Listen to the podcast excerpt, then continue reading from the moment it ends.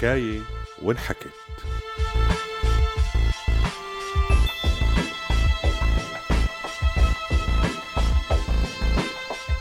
برنامج بيحكي قصص سورية.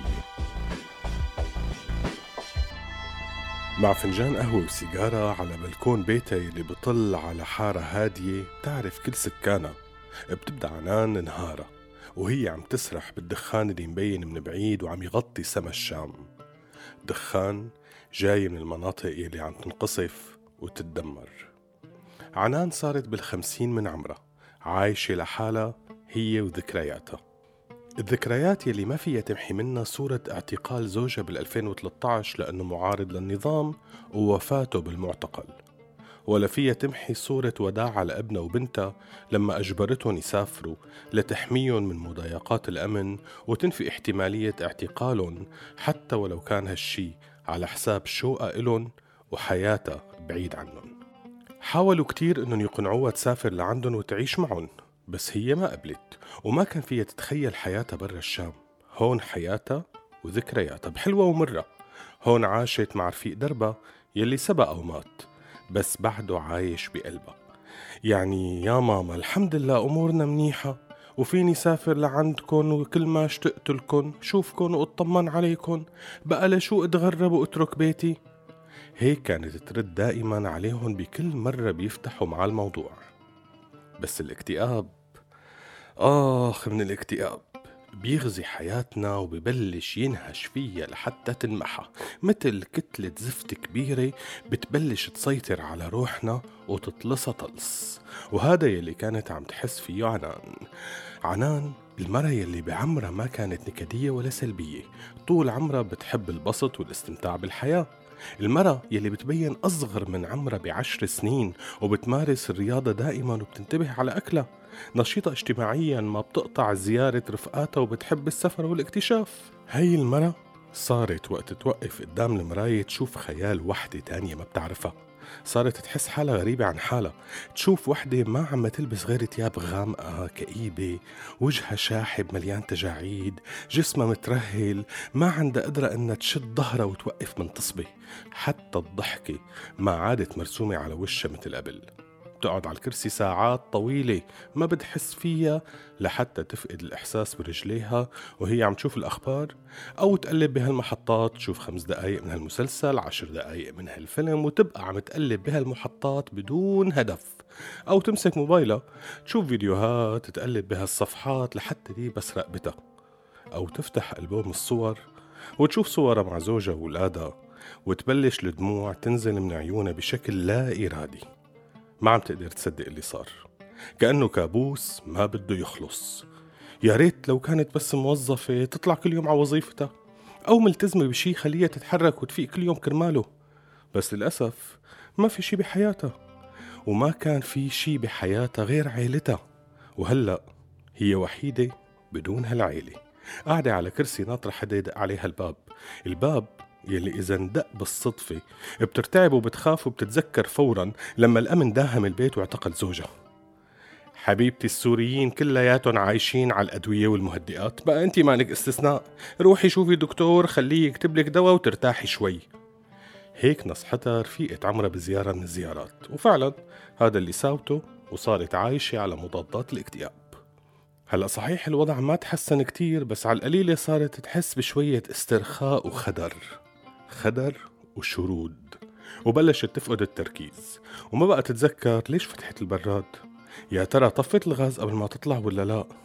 طيب شو بصير إذا أخذت هالحبوب كلياتهم مرة وحدة هيك كانت تسأل حالها وتفكر إنه خلص تحط حد لحياتها وترتاح. بس ترجع تفكر بولادها يلي مالن غيرها. ما معقول تكسر لهم قلبهم. هدي يا بحر هدي. طولنا بغيبتنا ودي سلامي ودي للأرض اللي ربتنا.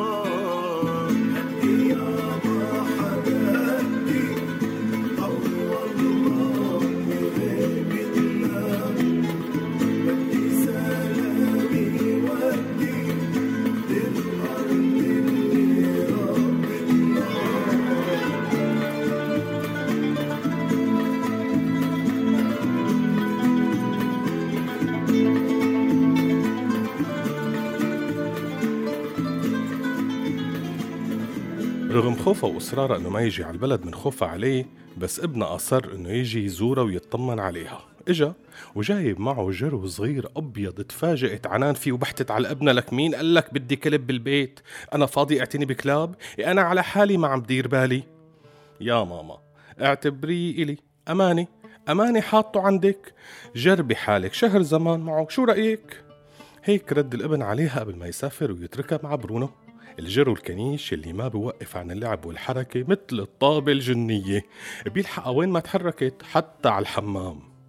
عنان بعمرها ما كانت تحب الحيوانات أو بالأحرى. بعمرها ما صار لها فرصة إنها تعمل علاقة معهم. بتحس إنه وجودهم بالبيت بيخلق التزام مثل كأنه في طفل رضيع بس ما بيكبر. وهي ما صدقت إمتى كبروا ولادها. هلا صارت بدها تفكر بأكله شربه ومشوارين برا البيت كل يوم مشان يقضي حاجته وشوي شوي. رجع لها التركيز يلي غاب عنا من فترة وراح الشرود من ذهنها لأنه مستحيل تشرد وتنسى تغير له المي أو تحط له أكل ونسيت. فبرونو بذكر لها بنباحه يلي بلشت تفهمه. وتعرف تميز تعواية الجوع عن تعواية العطش عن تعواية الفوت على الحمام. ولما كانت هالطابة الجنية اللي هي برونو يعمل شي أزوة يخرب له شي يوسخ شي كانت تعاتبه مثل كأنه ولد صغير وتعلمه إنه ما بصير هيك وأحيانا تعاقبه ولما يحاكيها ابنها تقول له ايمتى بدك تيجي تاخده؟ أنا ما بقى لي قدر على الشغل عليه. فيبتسم الابن ويقول لها ايمتى ما بدك؟ بكرة بيجي إذا بتحبي. فترد عليه عنان وتقول له إيه بيكون أحسن؟ تعال ريحني منه. بس بالليل لما يركض وينام بحضنها ويتطلع فيها التطليع اللي بيعرفوا يتطلعوها الكلاب كتير منيح. تطليعة الحب والولاء الغير مشروطين. تطليعها بحسس الكلب صاحبه فيها إنه ما في غيره بالدنيا كلها.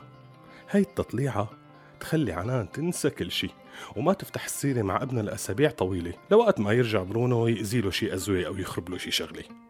برونو رجع الحيوية لحياة عنان وضاف لها سبب جديد لتتمسك بالحياة لأنه شو ممكن يصير فيه إذا صار لي شي ماله غيري؟ هيك تحاكي حالها وقت تلاقيه نايم عند رجليها بالسهرة وحاسس بالأمان لوجودها. بس كيف ممكن المجتمع يتقبل وجود برونو؟ هذا اللي حنشوفه بالحلقة الجاية من برنامج حكاية وانحكت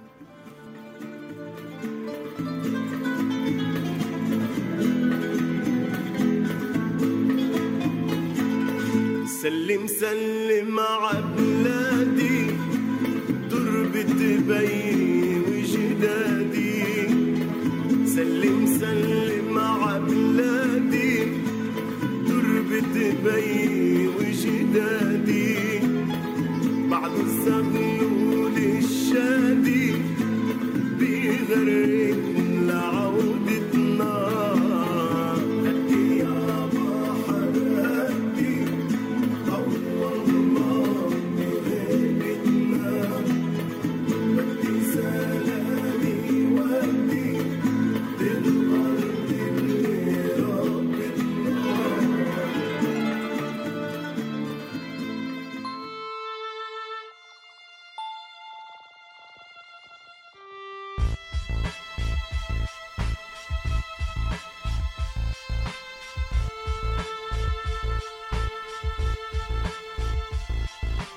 هذا البرنامج بالتعاون بين راديو سوريالي وموقع سوريا. حكاية ما انحكت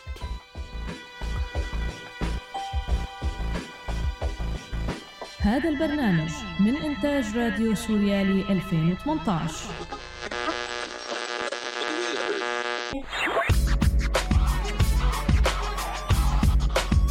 عم تسمعوا راديو سوريالي.